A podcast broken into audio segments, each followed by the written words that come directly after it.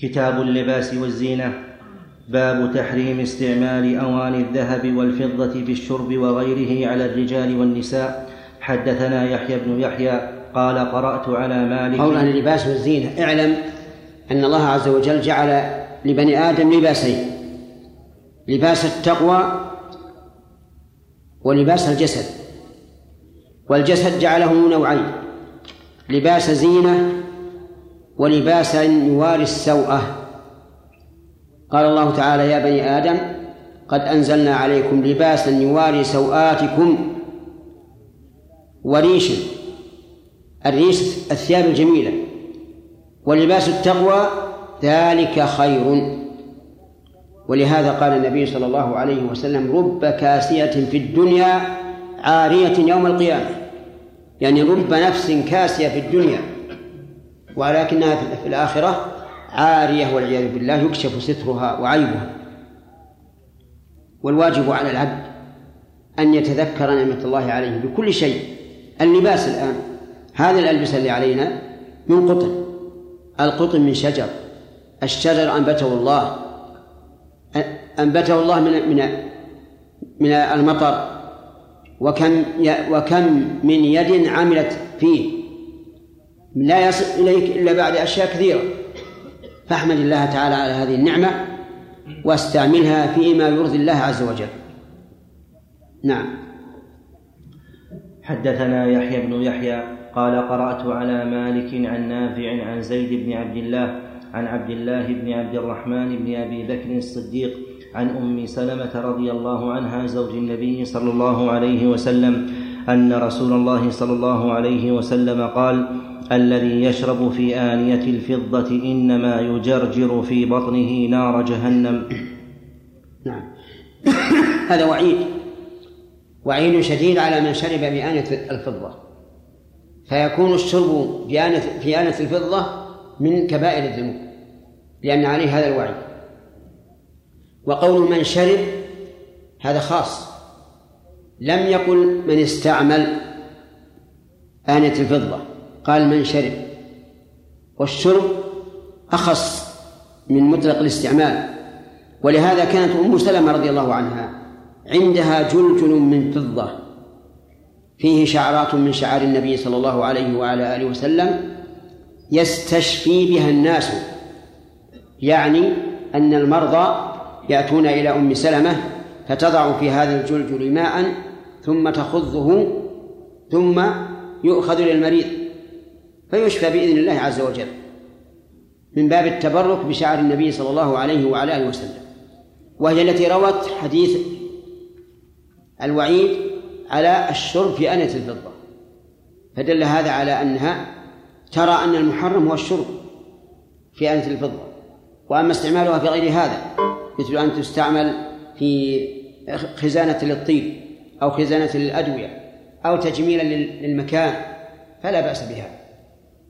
وفي هذا إثبات الوعيد في الآخرة وأن الجزاء من جنس العمل وهو يدل على كمال عدل الله عز وجل. لأن الجزاء من جنس العمل نوعا أما كمية فالحسنة بعشر أمثالها والسيئة بواحدة. نعم.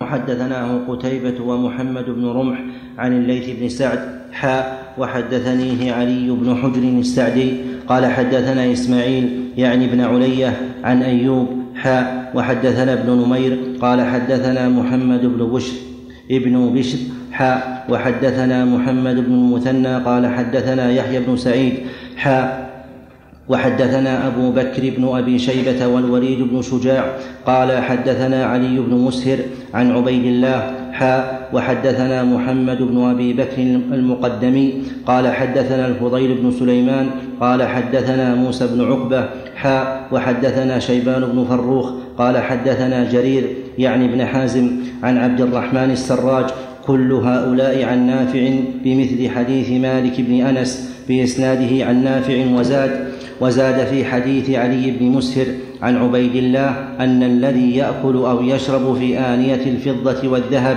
وليس في حديث أحد منهم ذكر الأكل والذهب إلا في حديث ابن مسهر.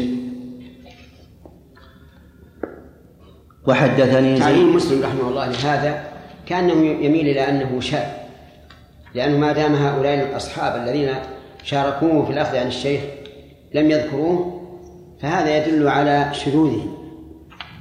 ولكنه جاء من ولكن يقال إنه جاء من في أحاديث أخرى تدل على تحريم الأكل بالذهب في الذهب وكذلك الشرب. وهو أيضا لو لم يرد لكان من باب من باب إيش؟ من باب أولى. لأنه إذا حرم في الفضة وهي أوسع استعمالا من الذهب فكذلك في الذهب ولا إشكال. نعم. وحدثني زيد بن يزيد أبو معن الرقاشي.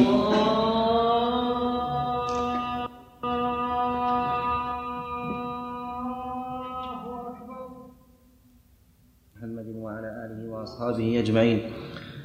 قال الإمام مسلم رحمه الله تعالى في كتاب الأشربة في باب في باب تحريم استعمال أواني الذهب والفضة.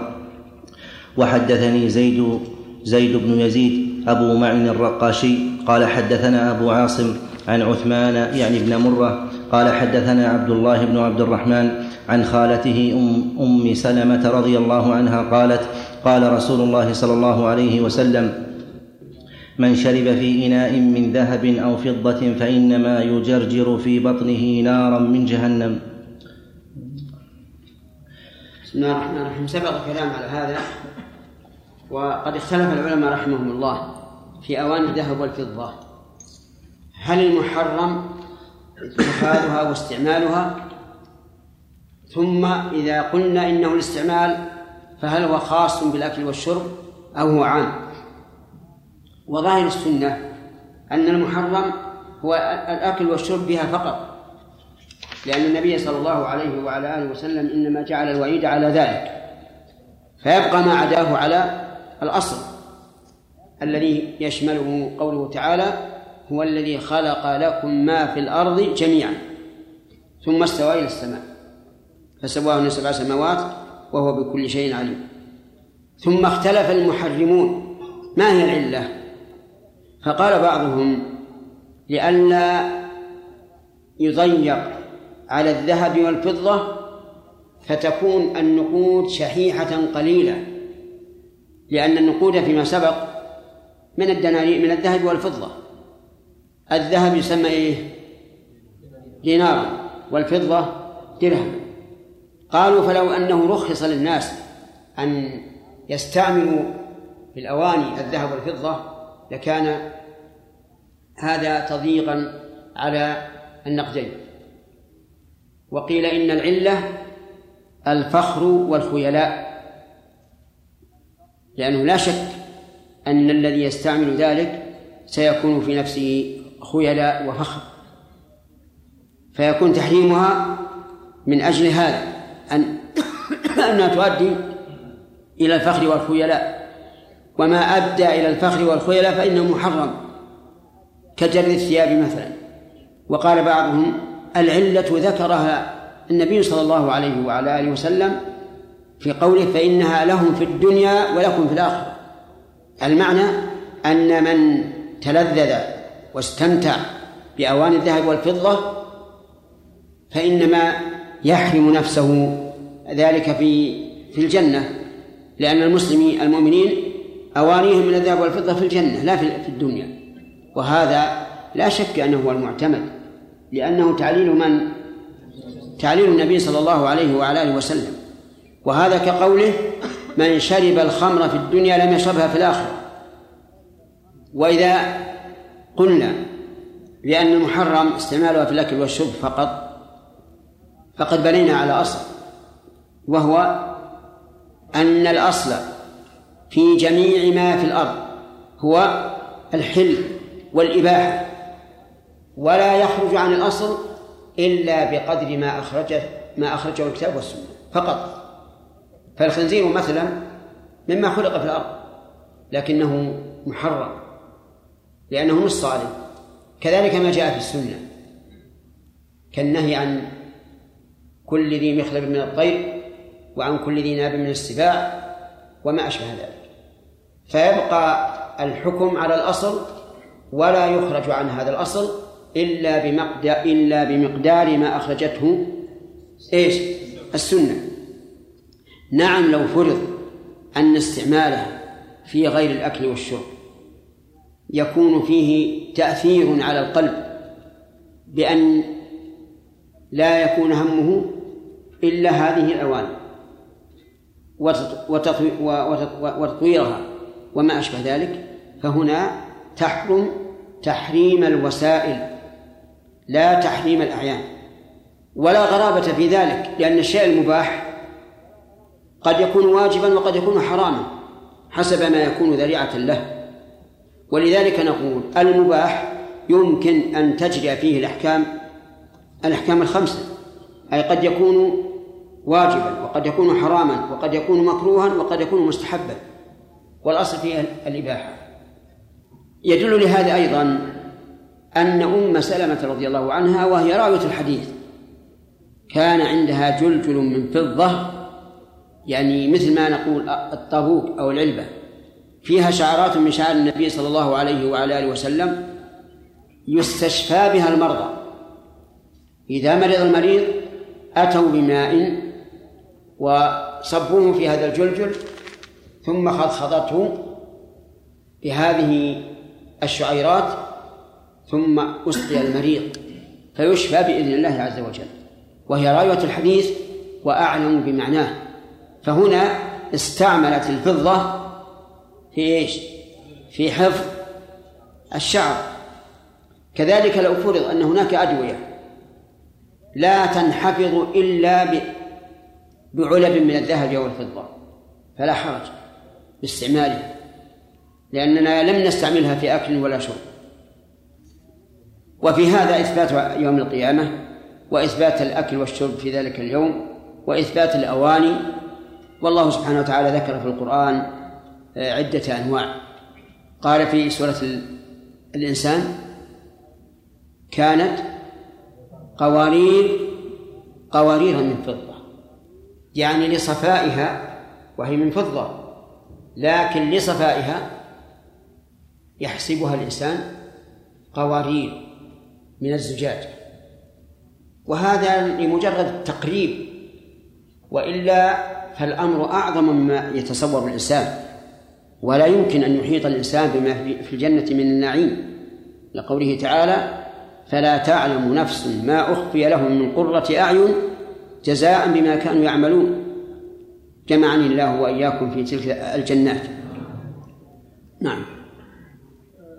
المداواة بآثار الرسول صلى الله عليه وسلم هذا من من أسباب الشرعية ولا من أسباب يعني المحسوسة من ناحية التأثير؟ لا هذه أسبابها خفية لكن آثارها محسوسة. ما توجد الآن. الصوفية ما لهم إلا صوف الخروف. الصوفية عندهم الكذب والدجل. الآن ما فيه آثار. حتى ما يزعم أنه في تركيا من شعارات النبي صلى الله عليه وسلم أو نعل النبي صلى الله عليه وسلم كل هذا كذب أنت الآن في 1421 من الهجرة توالى على هذه الآثار أمم لم تبقى الصوفية ليش يسمونهم صوفية يا محمد؟ ليش يسمونهم صوفية؟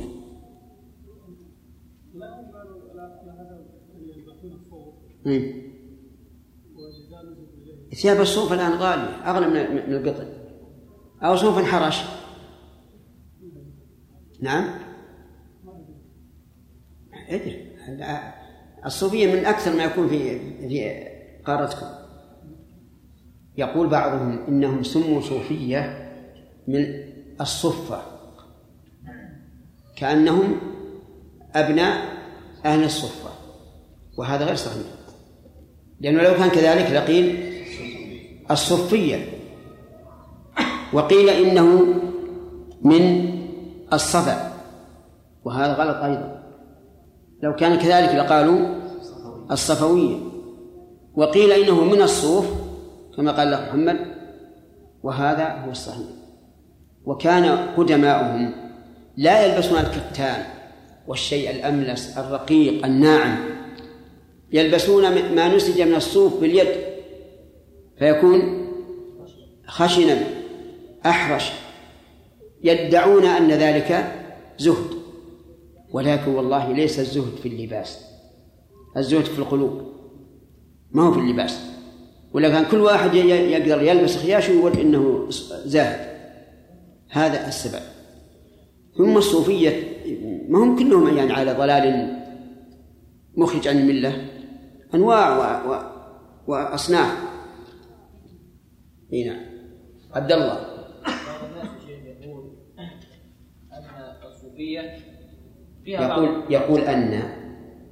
إن الصوفية إي نعم. فيها بعض الخير. فيها؟ بعض الخير.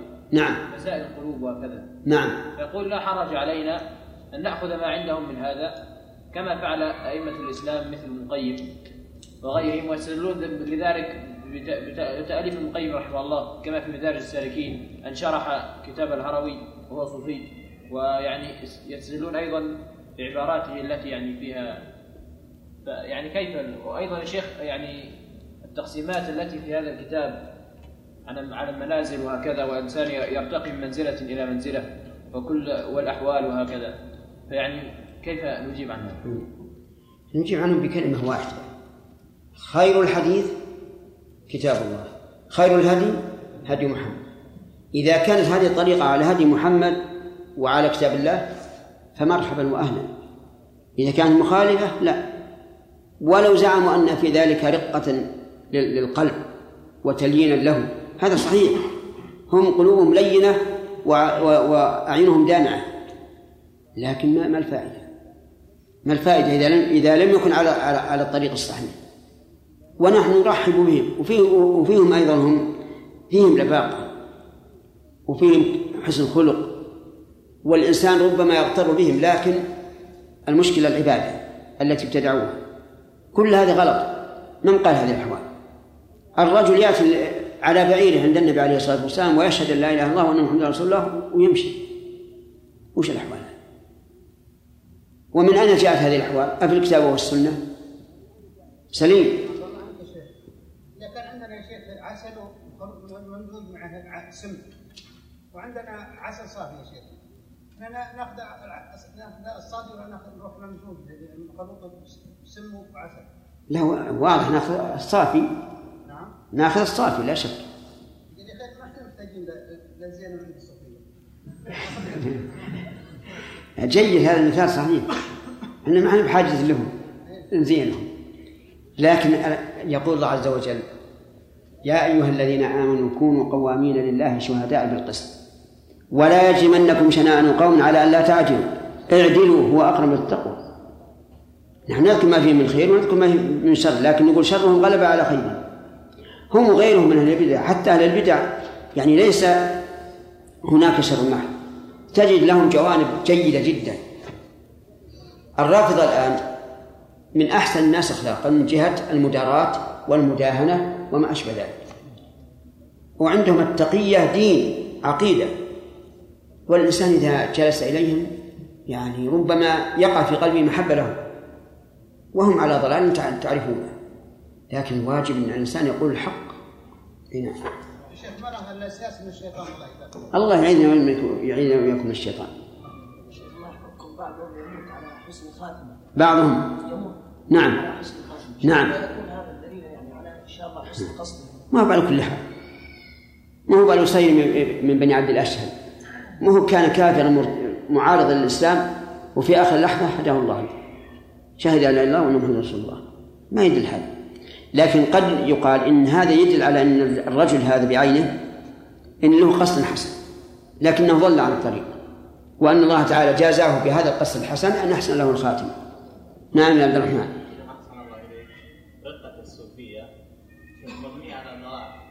على ضلال.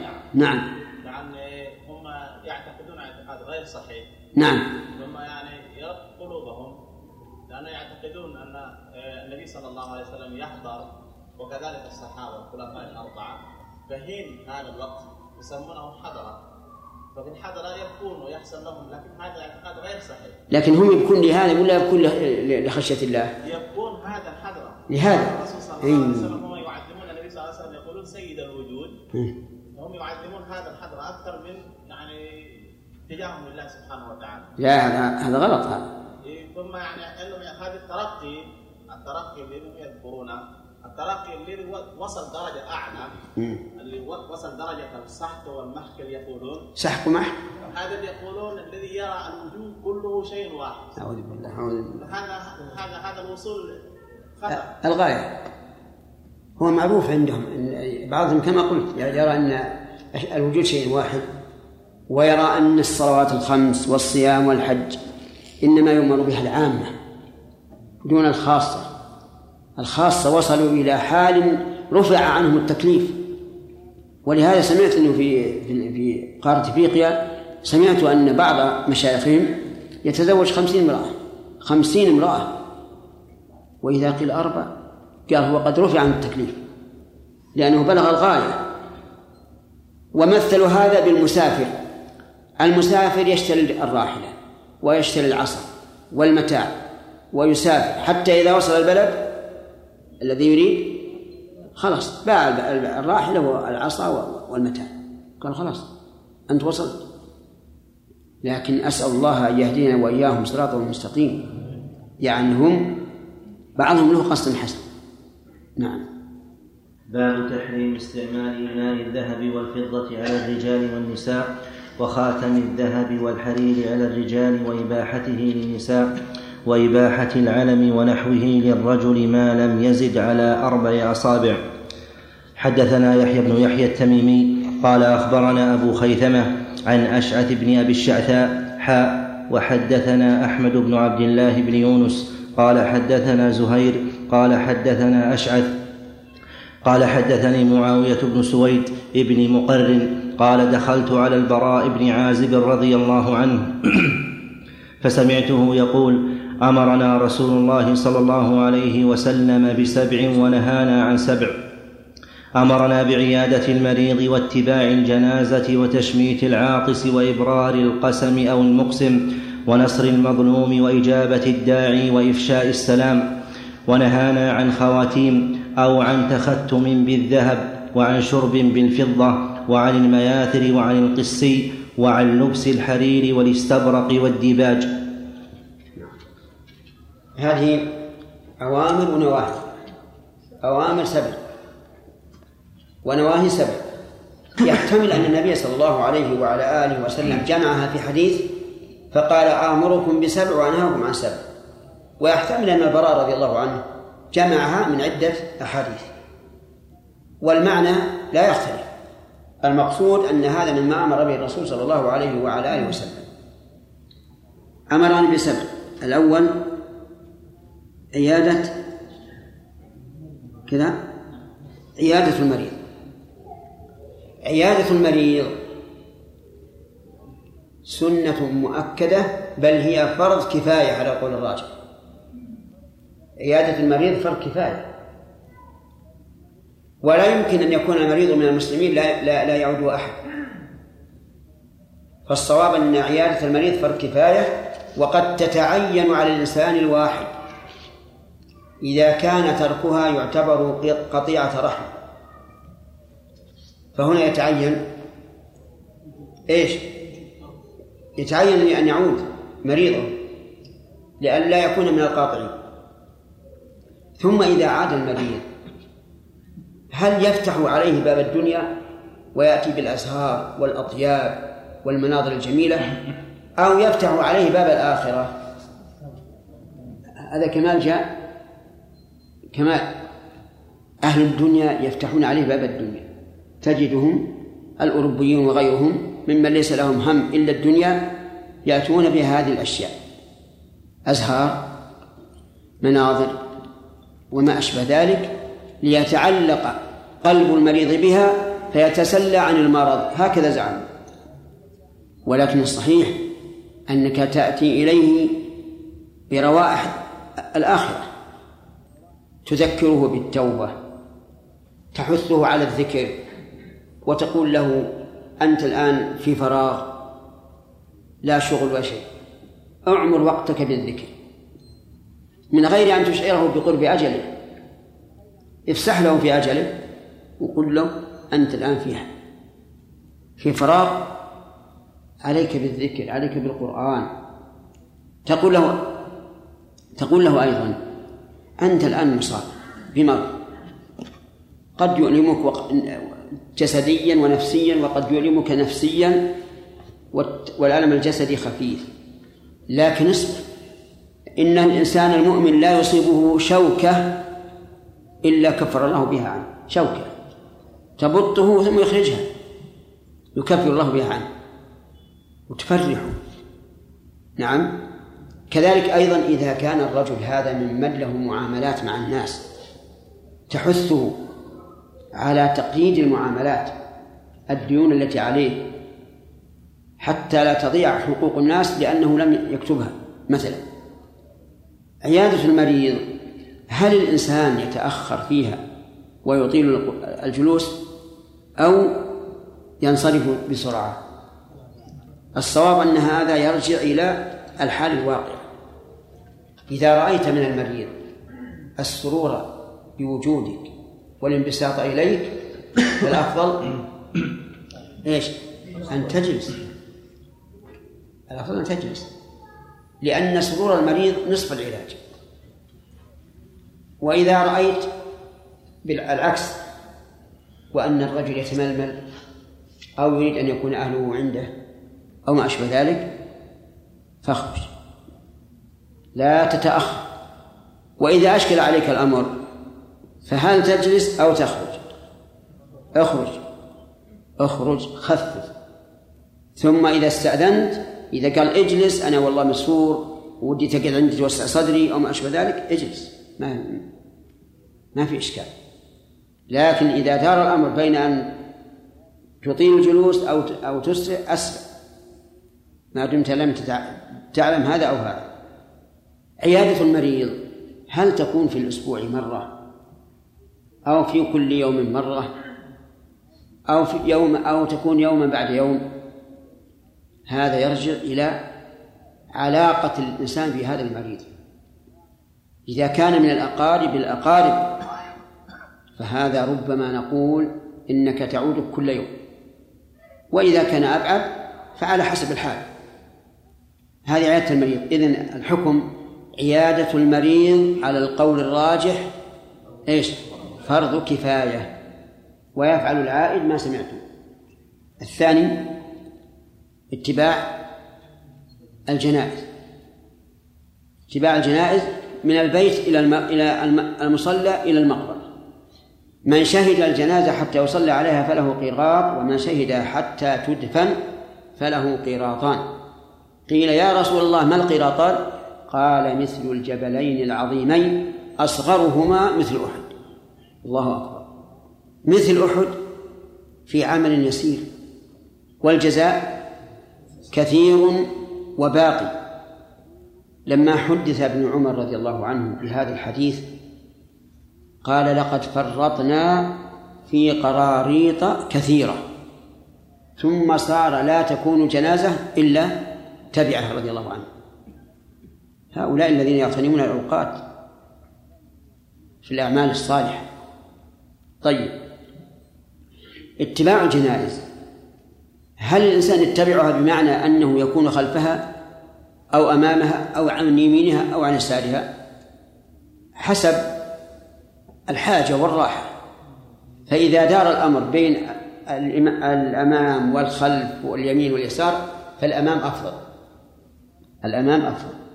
لا سيما إذا كان الرجل قدوة في الإسراع بها أو في التباطؤ بها.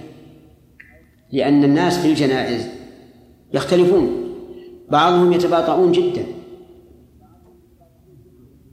كأنما يمشون على الركب وبعضهم يسرع جدا. حتى لو كان شيء متهيئ لأن يخرج في بطن الميت لخرج. وكل هذا لا ينبغي. بل إسراع بلا خبب كما قال الفقهاء رحمهم الله. متبع الجنازة هل يليق أن يتحدث بما يضحك الناس؟ الجواب لا هذا غير لائق. يجب أن تتبع الجنازة باعتبار. فأنت الآن تابع للجنازة قائم ببدنك تمشي على قدميك وغدا ستكون محمولا كما حملت أنت الجنازة. تأمل تدبر في حالك. وتدبر إلى أين هذا الرجل؟ ذهب. ذهب إلى دار الجزاء. انتهى كل شيء. ما بقي إلا أن ينتظر قيام الساعة فقط. تأمل هذه الأشياء. فإذا قدر أن أحدا حدثك في أمور الدنيا والله اليوم شريت الأرض الفلانية شريت السيارة الحبش لا من الشبح وما أشبه ذلك. هل توافقه ولا تمنعه؟ تمنع. تقول يا أخي ما هو هذا وقته؟ ليس هذا وقته. كذلك الضحك. ليس هذا وقت ضحك. هذا وقت اعتبار. ووقت بكى لمن أصيب. اتبع الجنازة على الوجه المشروع. باعتبار. وتدبر. ولا تجلس حتى توضع في الأرض للدفن. اللهم إلا إذا كان هناك حاجة كرجل تعب وأراد أن يجلس فلا بأس. اتباع الجنازة هل يكون بركوب أو بسير على الأقدام؟ وهل تحمل الجنازة أو يحمله الناس على أعناقهم؟ الجواب الأفضل أن يحملها الناس على أعناقهم. لأن ذلك أكمل في العظة والعبرة ولأن الجنازة إذا مرت على النعش من عند الناس دعوا لها وقالوا من هذا فلان؟ غفر الله له. ثم يكون لها هيبة في النفوس. ثم إن السنة لمن مرت به أن يقوم حتى تتجاوزه تعظيما للموت وتنبيها للنفس. إذا وضعت وضعت هناك عند الدفن يشارك في الدفن. يتولى الدفن من وصى الميت أن يدفنوه إن كان هناك وصية وإلا فمن كان أعرف بالدفن والتلحيد. وإذا انتهى من الدفن يقف على القبر ويقول اللهم اغفر له اللهم ثبته ثلاث مرات. ثم ينصرف. اتباع الجنائز. هل هو خاص بالكبار أو يعم حتى الصغار؟ الجواب يعم الصغار والكبار. حتى الطفل إذا صليت عليه وتبعته حتى يدفن فلك قيراطان طيب اتباع الجنائز. هل يشمل هذا أهل أهل المعاصي أو لا؟ ظاهر الحديث العموم إلا أهل البدع. أهل البدع لا تتبعهم. وهذا من فضيحة الله لهم. أهل البدع في, في لما كانت البدع قائمة والدعوة إليها قائمة إذا مات ميتهم يخرجون به في الليل ويدفنونه ولا يتبع أحد. لأنهم أولا أنهم فاشلون والثاني يخافون من أهل السنة. المبتدع لا تتبع جنازة. بقينا إلحاقا لقولنا عيادة المريض هل يعاد المريض الفاسق؟ الجواب في هذا تفصيل. إن كان الإنسان يريد أن يعرض عليه التوبة ويرغبه فيها ويطمع بأن يتقبل هذا فلا شك أن الذهاب إليه أوكد من الذهاب إلى الإنسان المستقيم. لأنك تنقذه. وإذا كان لا يستفيد من ذلك فأرى أن لا يعاد خصوصا إذا كان مجاهرا بالمعصية. لأننا إذا هجرناه ارتدع من؟ ارتدع غيره وهذا مكسب. تشميت العاطس. تشميت العاطس أن تقول له إذا حمد الله يرحمك الله. بشرط أن يحمد الله فإن لم يحمد الله فلا تشمت. قال العلماء وإنما يمنع من تشميت من لم يحمد تعزيرا له لتركه حق الله عز وجل. لأن العطاس نعمة من الله عز وجل ودليل على النشاط وعلى الحيوية. ولهذا كان العطاس من الله من الله والتثاؤب من الشيطان. ومما سمعناه من ضوابط العوام. يقولون من عطس ما فطس. تعرفون هذا؟ من عطس ما فطس. قول نعم نعرف ولا لا؟ ما تعرفون. الغاز تعرفه ولا لا؟ طيب. فطس يعني مات.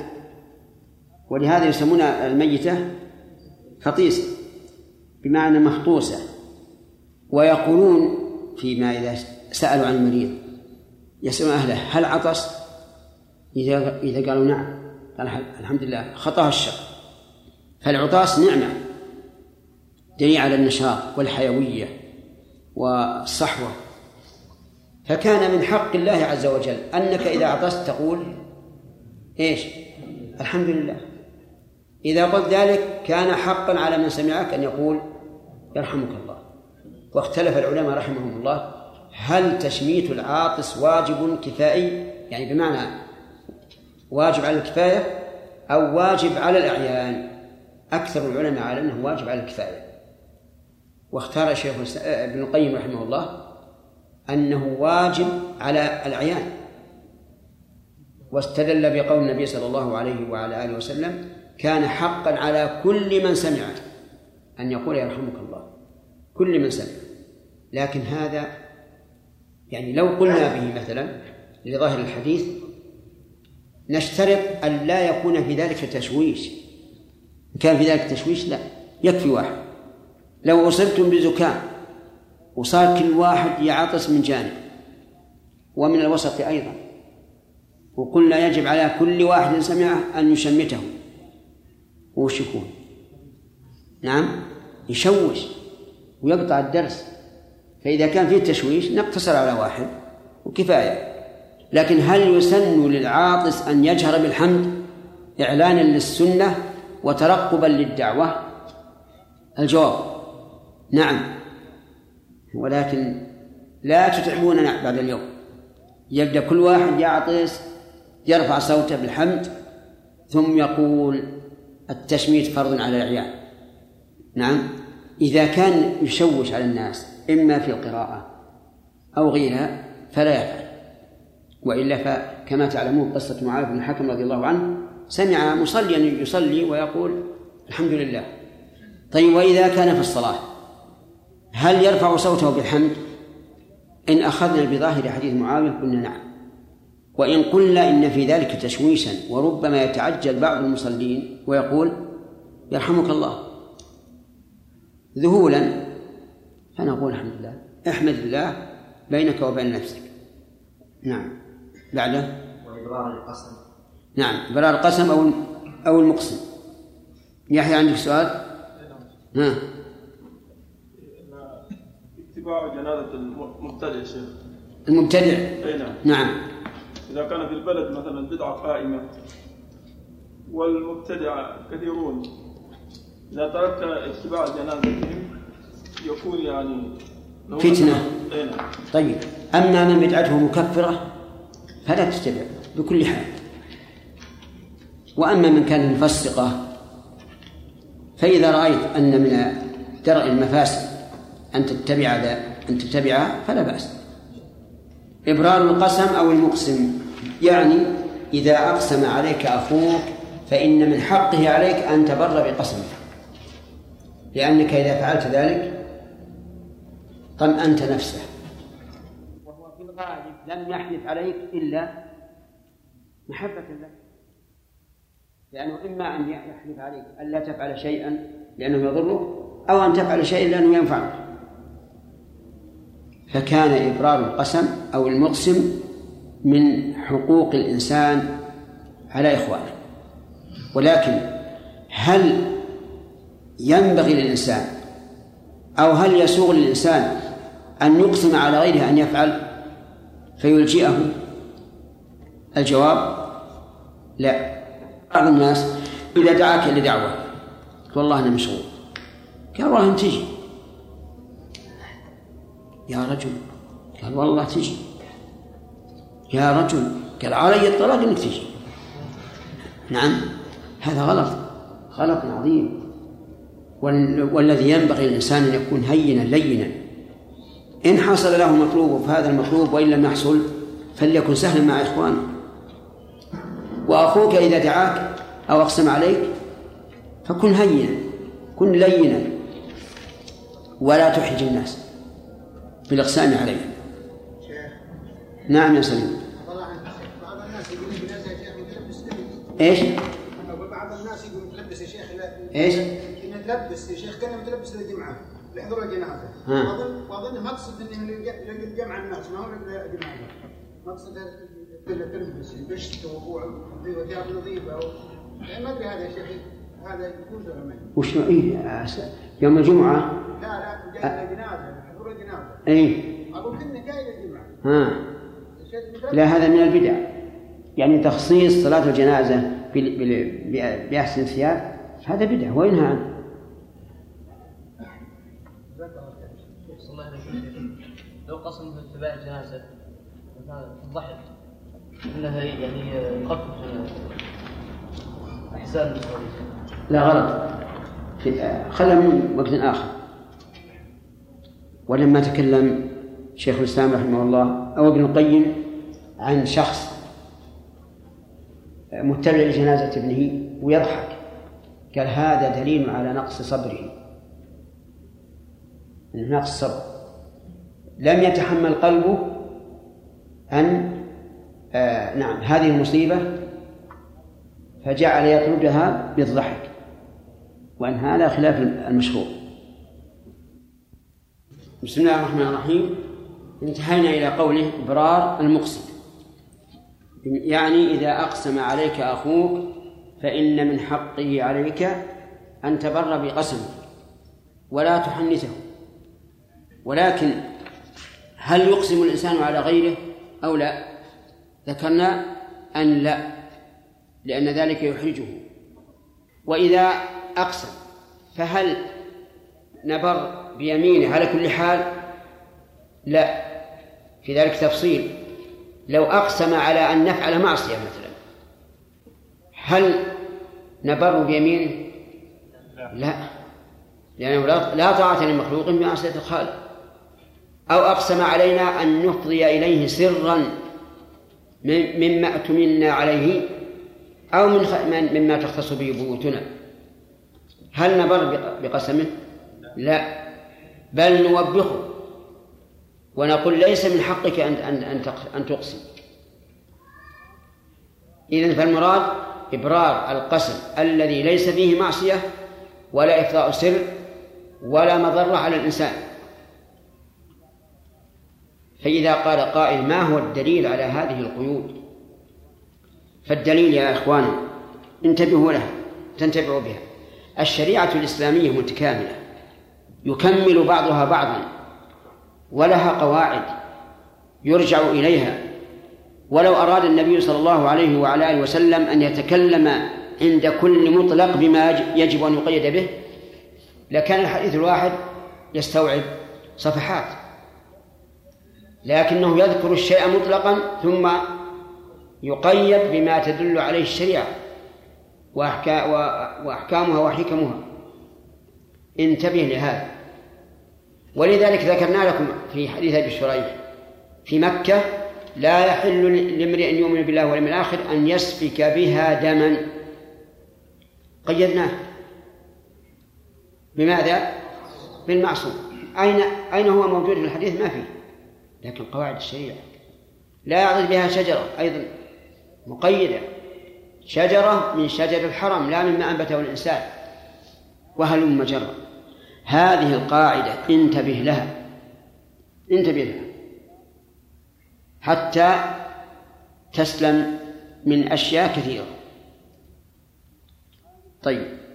الخامسة نصر المظلوم. نصر المظلوم يعني إعانته على رفع الظلم عنه أو دفعه عنه. الفرق بين الرفع والدفع. الرفع بعد وقوع الظلم. والدفع بعد إرادة الظلم. كأن تحس من شخص جائر أنه يريد أن يظلم أخاك فالواجب نصر أقول بالدفع ولا بالرفع؟ أقول بالدفع ولا بالرفع؟ بالدفع لأنه قبل وقوع الظلم. إنسان عرفت أنه مظلوم يجب أن تنصره. بإيش؟ برفع الظلم عنه. فإذا كان الظالم لا يندفع إلا بدراهم وأنت قادر وجب عليك أن تبذل له دراهم لأن نصر المظلوم واجب. ومن نصر المظلوم إذا سمعت أحدا يقع في عرض أخيك وجب عليك أن تدفع عنه. طيب نصر الظالم كذلك قد أمرنا نبينا صلى الله عليه وعلى آله وسلم أن ننصر الظالم. قالوا يا رسول الله كيف نصره؟ قال أن تمنعه من الظلم. لأنك إذا منعته من الظلم نصرته على نفسه الأمارة بالسوء. السادس إجابة الداعي. يعني إذا دعاك أخوك إلى طعام أو شراب إلى بيته فأجب. بأمر النبي صلى الله عليه وعلى آله وسلم. لكن هذا أيضا مقيد بقيود. منها أن لا يكون الداعي ممن يجب هجره كصاحب بدعة فهذا لا تجب. وإن كانت بدعته غير غير مكفرة مكفرة. ومنها أن لا يكون عليك ضرر فإن كان عليك ضرر لم يجب عليك أن تجيب الدعوة حتى ولو كانت دعوة عرس. ومنها أن لا يكون في مكان الدعوة منكر. فإن كان فيه منكر فإن كنت تستطيع أن تغيره أو تخففه وجبت عليك الإجابة من أجل إزالة المنكر أو تخفيفه. طيب فإن لم تعلم بالمنكر حتى حضرت فإن قدرت على أن تغير وإلا فانصرف. وهل يشترط أن يكون مال الداعي حلالا لا شبهة فيه؟ الجواب لا ليس بشرط. إلا إذا علمت أنه سيذبح لك شاة معصوم محترم. يعني تعرف أنك لو أجبته لذهب إلى رعية الغنم التي ليست له وذبح وجاء وأتى بالذبيحة. فهذا لا تجب. لكنه عنده شبهة فيما يكتسب من ربا أو غش أو ما أشبه ذلك أجبه. لأن ما حرم لكسبه لا يحرم إلا على إيش؟ على الكاسب. والدليل على هذا أن النبي صلى الله عليه وعلى آله وسلم قبل هدية اليهود وأجاب دعوة اليهود واشترى من اليهود. واليهود قد عرفوا بأكل السحت وأخذ الربا. لو علمت أن هذا الداعي مبذر حاله ضعيفة يعني ما ماله قليل لكنه كريم كل مرة تفضل. كل ذبيحة ورد ذبيحة فهل تجيبه أو لا تجيبه؟ إن كان عدم الإجابة يؤدي إلى اعتدال هذا الرجل في الإنفاق. لا يسرف ولا يقتل وكان بين ذلك قواما فنعم. وأما إذا كان عدم إجابة له لا ينتفع به. إن لم يدعني دعا دعا غير. فهنا أجب وانصح انصح. وقل إن هذا من الإسراف. أنت حالك ضعيفة مالك قليل. لا تسرف. فإن الله يقول في وصف عباد الرحمن الذين إذا أنفقوا لم يسرفوا ولم يقتروا وكان بين ذلك قواما نصر المظلوم إيش؟ إفشاء السلام. إفشاء السلام. نعم هذا أيضا إفشاء السلام مما أمر به النبي صلى الله عليه وسلم ومن أسباب دخول الجنة ومن أسباب كمال الإيمان. فلماذا لا نفعل؟ وقول إفشاء السلام ولم يقل إفشاء التحية. وإفشاء السلام يعني أن تقول السلام عليكم والتحية أعم من هذا. رأيت أخيرا حدثا. إذا سلم قال أسلم أسلم عليكم سلام أهل الجنة أو كلمة نحوها. سلام أهل الجنة. السلام عليكم ورحمة الله وبركاته. هذا يحتاج إلى دليل على العمل به. هل كان الصحابة رضي الله عنهم وهم أعلم منا بشريعة الله وأحرص منا على تطبيقها؟ هل كانوا يفعلون هذا؟ أنا لا أعلم أنهم كانوا يفعلون هذا. وإنما يسلم الإنسان السلام المعتاد. وسلام أهل الجنة في الجنة الله يجعلنا وإياكم منه أما الدنيا سلامها معروف. لكن تجد أن بعض الناس يتكلم بهذه الكلمة ثم يعشقها الناس.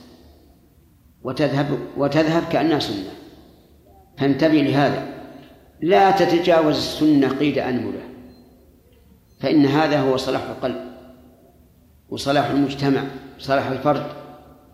السلام أن تقول السلام عليك إن كان واحد وعليكم إن كان أكثر من واحد ويرد عليك السلام كما كان ذلك في عهد النبي صلى الله عليه وسلم حين سلم عليه المسيء في صلاته قال السلام عليك قال عليك السلام. هذا هو الأصل. وقال بعض العلماء إنه يجمع.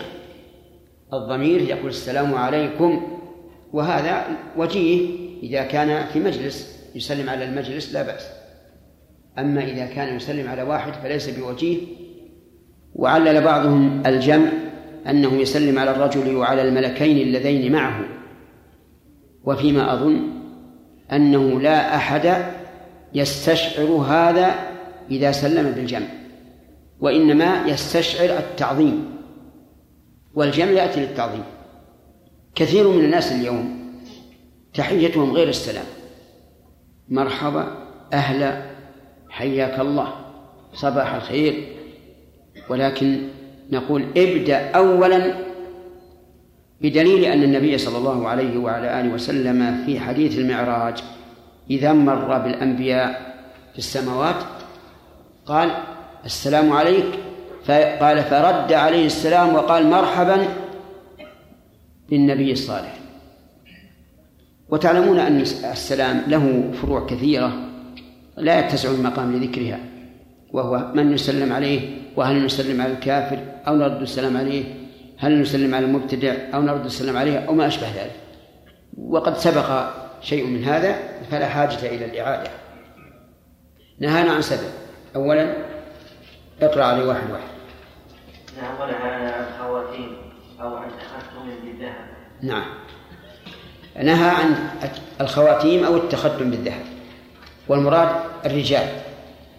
أما النساء فلا حرج عليهن أن يتختمن بالذهب في كل الأصابع وأن يلبسن الذهب قلادة وأن يلبسنه خروصا. فيباح للمرأة من الذهب ما جرت العادة بلبسه. وما زاد عن العادة فإنه كم؟ إسراف. فلا يجوز. واسمع إلى قول الله عز وجل في إنكار في الإنكار على من قالوا لله البنات ولهم البنون. قال الله عز وجل أو من ينشأ في الحلية وهو في الخصام غير مبين. يعني كمن ليس كذلك؟ ما المراد بمن ينشأ في الحلية؟ الأنثى لأن تربى على الحلية ولذلك تجد قلبها متعلقا بالحلية. وهو في الخصام غير مبين واضح. إذا المراد بالنهي عن تختم الذهب أو خواتم الذهب. من؟ الرجال. وأما النساء فلا بأس. هل لباس الذهب للرجال من كبائر الذنوب؟ الجواب نعم. لأن النبي صلى الله عليه وعلى آله وسلم جعل ذلك جمرة من نار وهذا وعيد. وكل ما فيه وعيد فهو من الكبائر. نعم. وعن شرب بالفضة. وعن الشرب بالفضة. سبق الكلام على ذلك. والذهب من باب أولى وقد جاء صريحا في الحديث. وعن المياتر نعم. المياتر هذه ما توضع على الرحل وهي ميا- مياتر من حرير أو نحوها يستعملها الناس. ونهى عن ذلك النبي ونهى النبي صلى الله عليه وسلم عن ذلك والصحيح أن النهي عام للرجال والنساء بمعنى أنه يحرم على المرأة أن تفترش الحرير لأن افتراش الحرير استعمال استعمال حرير بائن عنها وأما لبسها الحرير فهذا جائز. لقول النبي صلى الله عليه وسلم وحل الذهب والحرير لنساء أمتي وحرم على ذكورهم نعم. وعن القسي القسي نوع من الديباج. نوع من الديباج محرم. على من؟ على الرجال. أما النساء فلا حرج. نعم. وعن لبس الحرير. وعلى لبس الحرير الخالص. وهذا أيضا على الرجال فقط. نعم. الاستبرق والاستبرق نوع من الحرير. والديباج. الديباج أيضا نوع من الحرير لكنه مخلوط إما بصوف وإما بقطن. نعم. يحيى صلى الله عليه وسلم. إذا دخل إذا دخل الإنسان في بيت ليس فيه أحد. إيش؟ إذا دخل الإنسان في بيت ليس فيه أحد. نعم. ماذا يفعل؟ ما في أحد؟ إيه ما في أحد مهجور ولا ولا مهجوم ولا أصل يعني ها؟ في الناس لكن يعني في حال الدخول ما في ها. يدخل. ما يسلم ولا شيء. يسلم على من؟ ماذا يقول السلام علينا وعلى الصالحين والله ما أعرف في هذا حديثا لا أعرف حديثا بهذا. نعم. إذا علم المسلم أن المسلم عليه لا يرد السلام يرد بطريقة غير مشروعة هل له أن يسلم. عليه؟ يسلم إذا يقول إذا علم أن المسلم لا يرد السلام أو يرده بطريقة غير مشروعة. أقول يسلم. بعض الناس يتأول برأي من عنده. يقول أخشى إذا سلمت عليه ولم يرد. أن أكون جررته إلى إثم وهذا غلط. أسلم وإذا لم يرد أنصحه. نعم. بعض الناس. بعض الناس. إذا كان. نعم. السيارة نعم يصير 62 70 ها كانت 60 70 إيش؟ كان يمشي يسير السيارة بسرعة 60 أو 70 نعم ومر على أحد يرفع يده ويسلم لا يس- لا يسلم وش الفائدة؟ يرفع ويسلم. مع أن هذا السرعة يمكن يتجاوز الرجل قبل أن يرد عليه. نعم. شيخ بارك الله فيك بعض الناس آه، يلحن السلام. هل يلحنه يكون هذا يلحنه. نعم. موسيقى. لا يا شيخ. ها. يعني مثل ما ما يفعل في قل لي مثل ما يفعل في الحرم الله يحفظك الحرم؟ إي نعم. يعني تلحين السلام الله. الحرم مو يلحن هل ها؟ السلام من الصلاة السلام من الصلاة قصدك؟ إي إي نعم. إذا سلم على شخص يفعل مثل هذا. يقول السلام عليكم. كذا؟ التلحين بعد أكثر يا شيخ. مثل هل يكون هذا يا شيخ زيادة في السلام؟ مثل واضح ما هو واضح واضح جدا متضح لكم؟ ها؟ ما أتضح تفضل يا شيخ مثل ما ذكرتم الله. ولهذا الآن لما قالوا ما اتضح الإخوان لا بد أن توضح وأنت قائم أيضا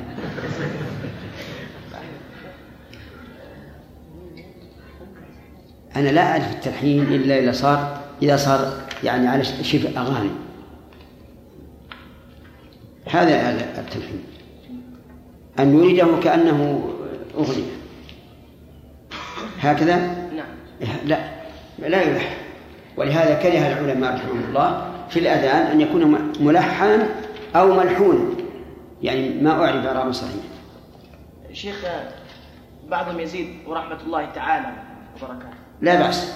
جاء جاء فيها السنة. ورحمة الله وبركاته تعالى ثناء على الله ثناء على الله عز وجل. ثلاثة. ثلاثة. حدثنا أبو الربيع العتكي قال حدثنا أبو عوانه عن أشعث بن سليم بهذا الإسناد مثله إلا قوله وابرار القسم أو المقسم فإنه لم يذكر هذا الحرف في الحديث وجعل مكانه وإنشاد الضال. إيه؟ إرشاد.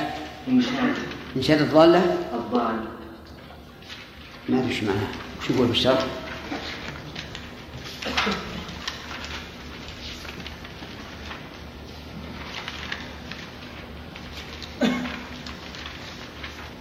ها واما انشاء الضاله فهو تعريفها لا مش اللي قبل واما رد السلام فهو فرض بالاجماع وش بعد واما انشاء الضاله فهو تعريفها وهو مأخوذ به وسبق تفسيره الضالة عندك منها هنا ما في إشكال ها؟ انشاد الضال. هاي عندك مذكر إيه. ذكر قال وفي رواية وإنشاد الضالة بدل نعم. إبرار القسم أو المقسم وفي رواية ورد السلام بدل إفشاء السلام.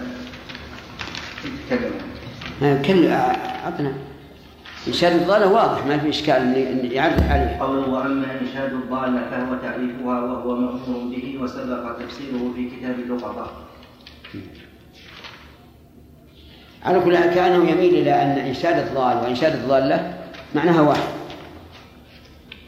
وإذا كان هذا المعنى فإنشاد الضالة هو طلب معرفتها بمعنى أن يقول من ضاعت له آه، البهيمة من ضاعت له الدراهم وهذا واجب. يجب أن ينشد الضالة كما قال النبي صلى الله عليه وعلى آله وسلم عرفها سنة ولا يجوز السكوت عليها. بل قال العلماء إذا خشي على نفسه أن يسكت وجب عليه تركها وحرم عليه التقاطها وهذا حق. نعم.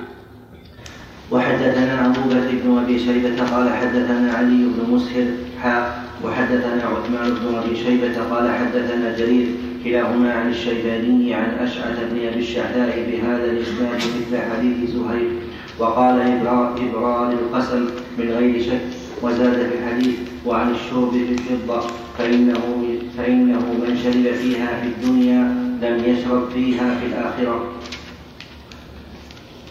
وحدثناه أبو كريب قال حدثنا ابن إدريس قال أخبرنا أبو إسحاق الشيباني وليث بن أبي سليم عن عن أشعث بن أبي الشعثاء بإسنادهم ولم يذكر زيادة جرير وابن مسلم. حاء وحدثنا محمد بن المثنى وابن بشار.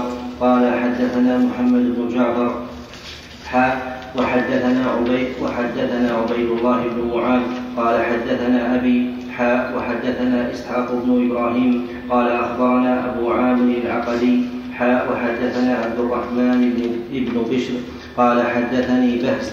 قالوا جميعا حدثنا شعبة عن أشعث بن سليم بإسنادهم ومعنى بإسنادهم ومعنى حديثهم إلا قوله وإفشاء السلام فإنه قال بدلها ورد السلام وقال نهانا عن خاتم الذهب أو حلقة الذهب. وحدثنا إسحاق بن إبراهيم قال حدثنا يحيى بن يحيى بن آدم وعمرو بن محمد قال حدثنا سفيان عن أشعث بن أبي عن أشعث بن أبي الشعثاء بإسنادهم وقال وافشاء السلام وخاتم الذهب من غير شك. حدثنا سعيد بن عمرو بن سهل بن إسحاق بن محمد بن الأشعث بن قيس قال حدثنا سفيان بن عيينة أنه قال سمعته يذكره عن أبي فروة أنه سمع أنه سمع عبد الله بن عكيم قال كنا مع حذيفة بالمدائن فاستسقى حذيفة فجاءه دهقان بشراب في إناء من فضة فرماه به وقال إني أخبركم أني قد أمرته ألا يسقيني فيه. فإن رسول الله صلى الله عليه وسلم قال لا تشربوا في إناء الذهب والفضة ولا تلبسوا الديباج والحرير فإنه لهم في الدنيا وهو لكم في, وهو لكم في الآخرة يوم القيامة. وهذا دليل على أن اتخاذ أواني الفضة لا بأس به. لأن لأن حذيفة أنكر إيش؟ الشرب بها فقط. فاتخاذها ليس بحرام. لكن الفقهاء رحمهم الله حرموا اتخاذها. وقالوا إن اتخاذها يكون ذريعة لاستعمالها. واستعمالها في غير الشرب والأكل يكون ذريعة لاستعمالها في الشرب والأكل. فحرموا اتخاذها واستعمال واستعمالها في غير الذهب والفضة لئلا يكون إيش؟ ذريعة لايش؟ للأكل والشرب ولكن يقال إن النبي صلى الله عليه وعلى آله وسلم عنده من العلم ما ليس عندكم وكونه يحرم الأكل والشرب معناه أنها موجودة لكن لا يجوز الأكل والشرب بها وفي هذا دليل على أن الإنسان ينبغي له أن يعتذر إذا فعل عنده ما يظن أنه راض به من المنكر لأن حذيفة اعتذر عند الحاضرين وهذا أمر فطري شرعي. أن الإنسان إذا تلبس بشيء ينكر عليه لكنه مباح له لوجود سبب الإباحة فإنه إيش؟ يخبر لئلا يتهم.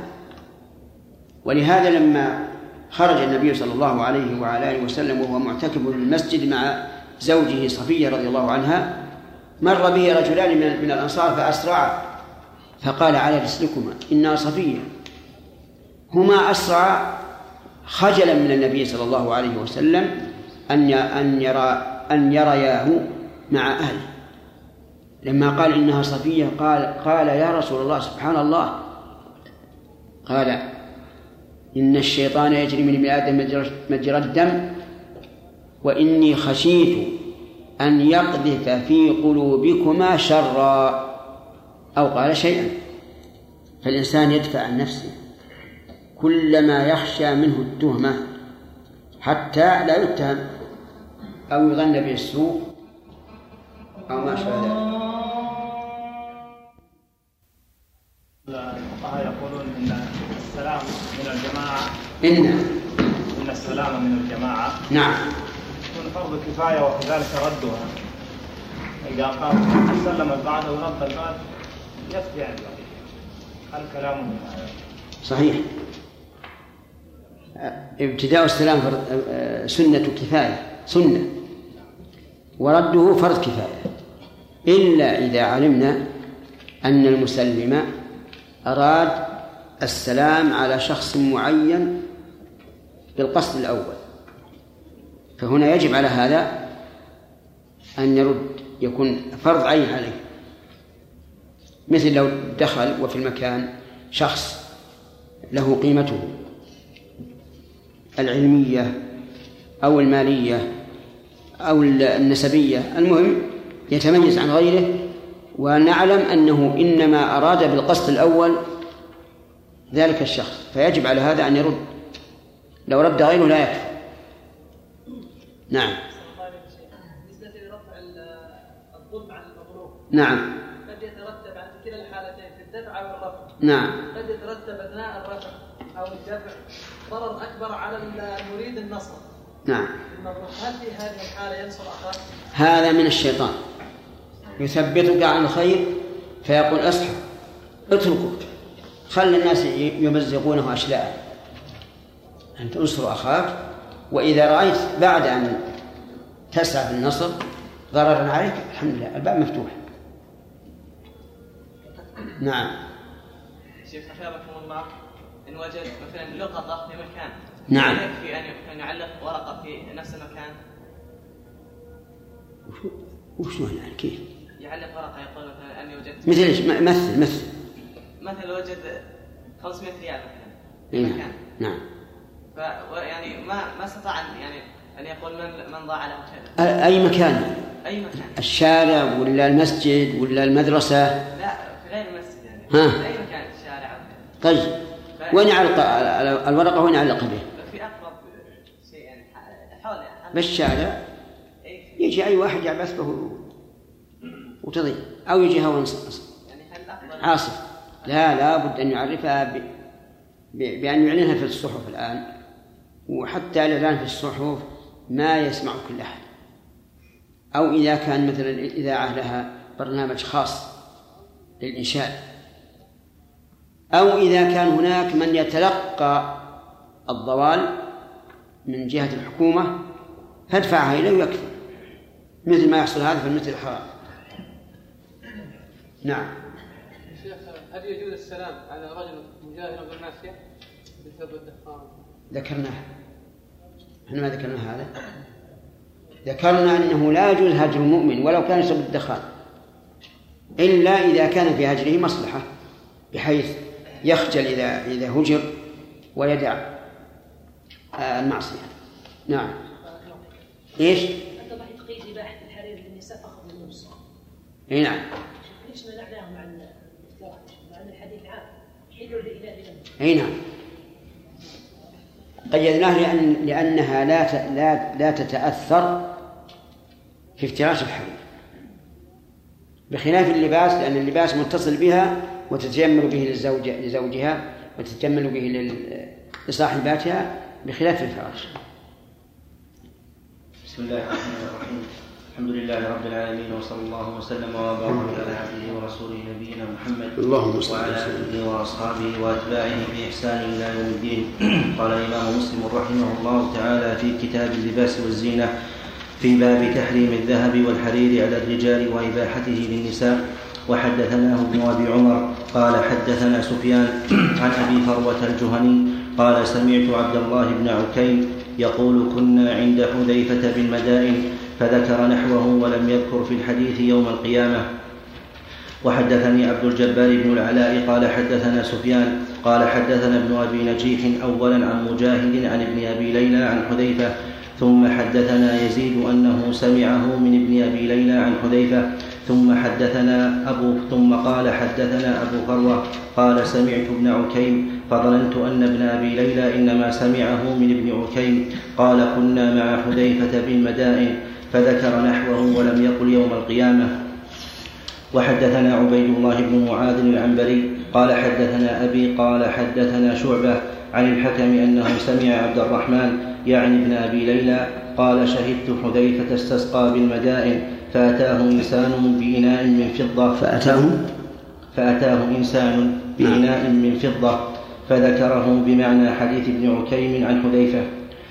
وحدثناه أبي أبو بكر بن أبي شيبة قال حدثنا وكيع حاء وحدثنا ابن المثنى وابن بشار قال حدثنا محمد بن جعفر حاء وحدثنا محمد بن مثنى قال حدثنا ابن أبي عدي حاء وحدثني عبد الرحمن بن بشر قال حدثنا بهز كلهم عن شعبة بمثل حديث معاذ بمثل حديث معاذ بمثل حديث معاذ وإسناده ولم يذكر أحد منهم في الحديث شهدت حذيفة غير معاذ وحده.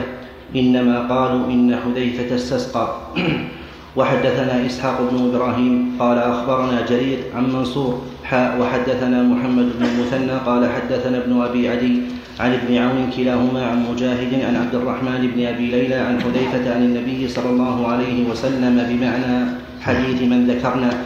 حدثنا محمد بن عبد الله بن نمير قال حدثنا أبي قال حدثنا سيف قال سمعت مجاهدا يقول سمعت عبد الرحمن بن أبي ليلى قال استسقى حذيفة فسقاه استسقى. استسقى حذيفة فسقاه مجوسي في إناء من فضة. فقال إني سمعت رسول الله صلى الله عليه وسلم يقول لا تلبسوا الحرير ولا الديباج ولا تشربوا في آنية الذهب والفضة ولا تأكلوا في صحافها فإنها لهم في الدنيا. حدثنا يحيى بن يحيى قال قرأت على مالك عن نافع عن ابن عمر أن عمر بن الخطاب رضي الله عنه رأى حلة سيرا عند باب المسجد فقال يا رسول الله لو اشتريت هذه فلبستها للناس يوم الجمعة وللوفد إذا قدموا عليك فقال رسول الله صلى الله عليه وسلم إنما يلبس هذه من لا خلاق له في الآخرة. ثم جاءت رسول الله صلى الله عليه وسلم منها حلل فأعطى عمر منها حلة. فقال عمر يا رسول الله كسوتنيها وقد قلت في حلة في حلة عقارب ما قلت. فقال رسول الله صلى الله عليه وسلم إني لم أكسفها لتلبسها فكساها عمر أخا له مشركا بمكة. وحدثنا ابن أبي نمير قال حد في هذا الحديث من الفوائد أنه ينبغي للإنسان أن يلبس أحسن ثيابه يوم الجمعة لأن يوم الجمعة يوم عيد.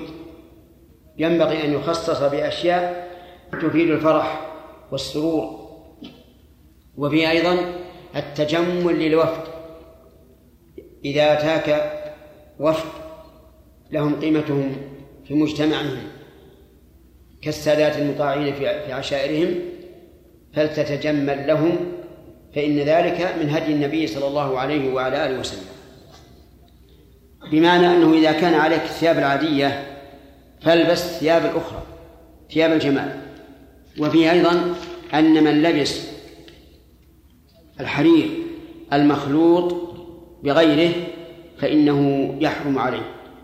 لأن السيرة يعني مخلوطة بحرير. ولكن العلماء رحمهم الله قالوا إنه يباح علم الحرير.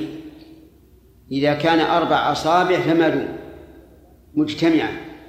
وأما إذا كان مختلطا فينظر إلى الأكثر. أفهمتم الكلام هذا؟ يعني إذا كان مجتمعا في مكان فيباح منه أربع أصابع فما دون. وإذا كان متفرقا فينظر إلى الأكثر ظهورا. إن كان الأكثر الحرير صار حراما وإن كان الأكثر ما خلط معه صار حلالا الحلة السيراء إذا كانت سيورها الحريرية أضخم من السيور القطنية مثلا. هل تحرم أو لا؟ تحرم لهذا هو الأكثر. وإن كان بالعكس حلت. إذا كان الأكثر الظاهر القطن أو الصوف وما أشبهه فتحل. وإن تساوى الأمران إن تساوى الأمران صار الحكم متساويا. بمعنى أننا نقول تجوز ولكن الورع الورع تركه. فقولنا نجوز لأن الأصل الحل فقولنا يجوز لأن الأصل الحل وقولنا الورع لأن هذا الخليط ظاهر بين فالورع ترك ذلك. وفيه أن لبس الحرير على الرجال من كبائر الذنوب لأن النبي صلى الله عليه وعلى آله وسلم قال هذا لباس من لا خلق له أي من لا نصيب له. في الآخرة.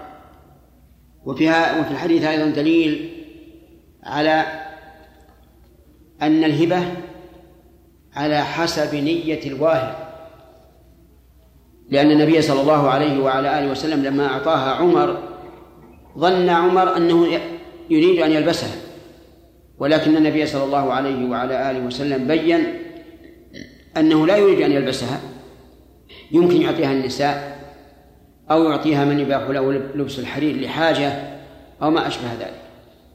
عمر رضي الله عنه أعطاها أخا له مشركا في مكة. فيستفاد من هذا أن أنه لا بأس أن يهدي الإنسان إلى أقاربه المشركين. ولكن هل يهدي لهم ما كان حلالا لهم حراما على المسلم ظاهر الحديث؟ نعم. لأن عمر فعل هذا في عهد النبي صلى الله عليه وعلى آله وسلم والغالب أن النبي صلى الله عليه وعلى آله وسلم يعلم بذلك فإن لم يكن يعلم فالله يعلم. والله عز وجل لا يقر عباده على محرم. بقي أن يقال هل يستفاد من هذا الحديث أن الكفار لا يخاطبون بفروع الإسلام؟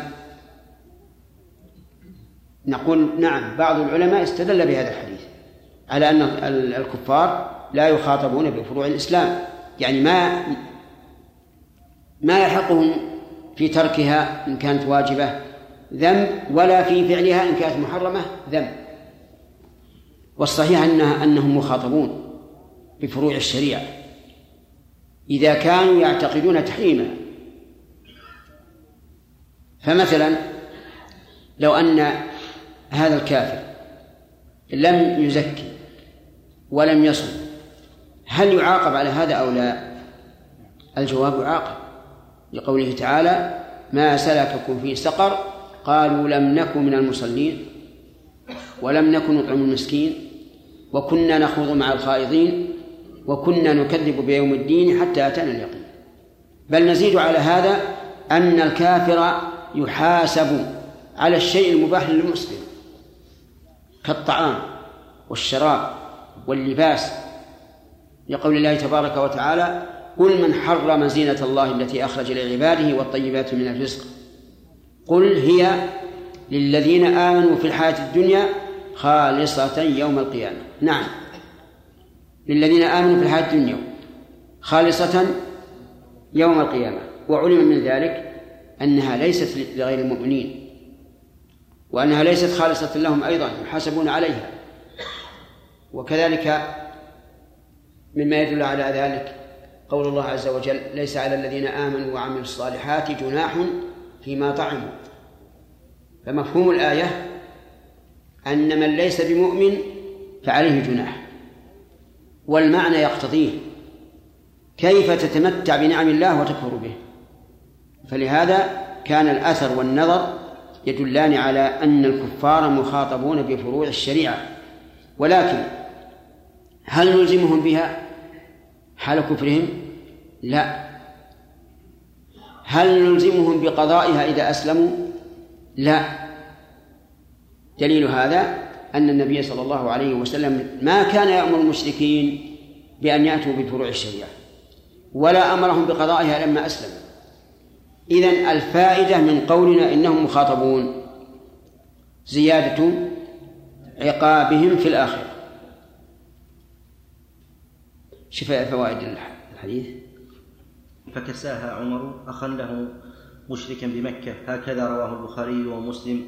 وفي رواية البخاري في كتاب في كتاب قال أرسل بها عمر إلى أخ له من أهل مكة قبل أن يسلم. فهذا يدل على أنه أسلم بعد ذلك.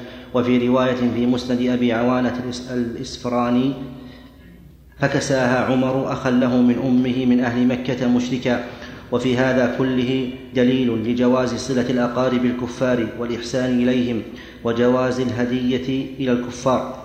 وفيه جواز إهداء ثياب الحرير إلى الرجال لأنها لا تتعين للبسهم. وقد يتوهم متوهم أن فيه دليلا على أن رجال الكفار يجوز لهم لبس الحرير. وهذا وهم باطل لأن الحديث إنما فيه الهدية إلى كافر وليس فيه الإذن له في لبسها. وقد بعث النبي صلى الله عليه وسلم ذلك إلى عمر وعلي وأسامة رضي الله عنهم ولا يلزم منه إباحة لبسها لهم بل صرح صلى الله عليه وسلم بأنه إنما أعطاه لينتفع بها بغير اللبس. والمذهب الصحيح الذي عليه المحققون والأكثرون أن الكفار مخاطبون بفروع الشريعة فيحرم عليهم الحرير كما يحرم على المسلمين والله أعلم.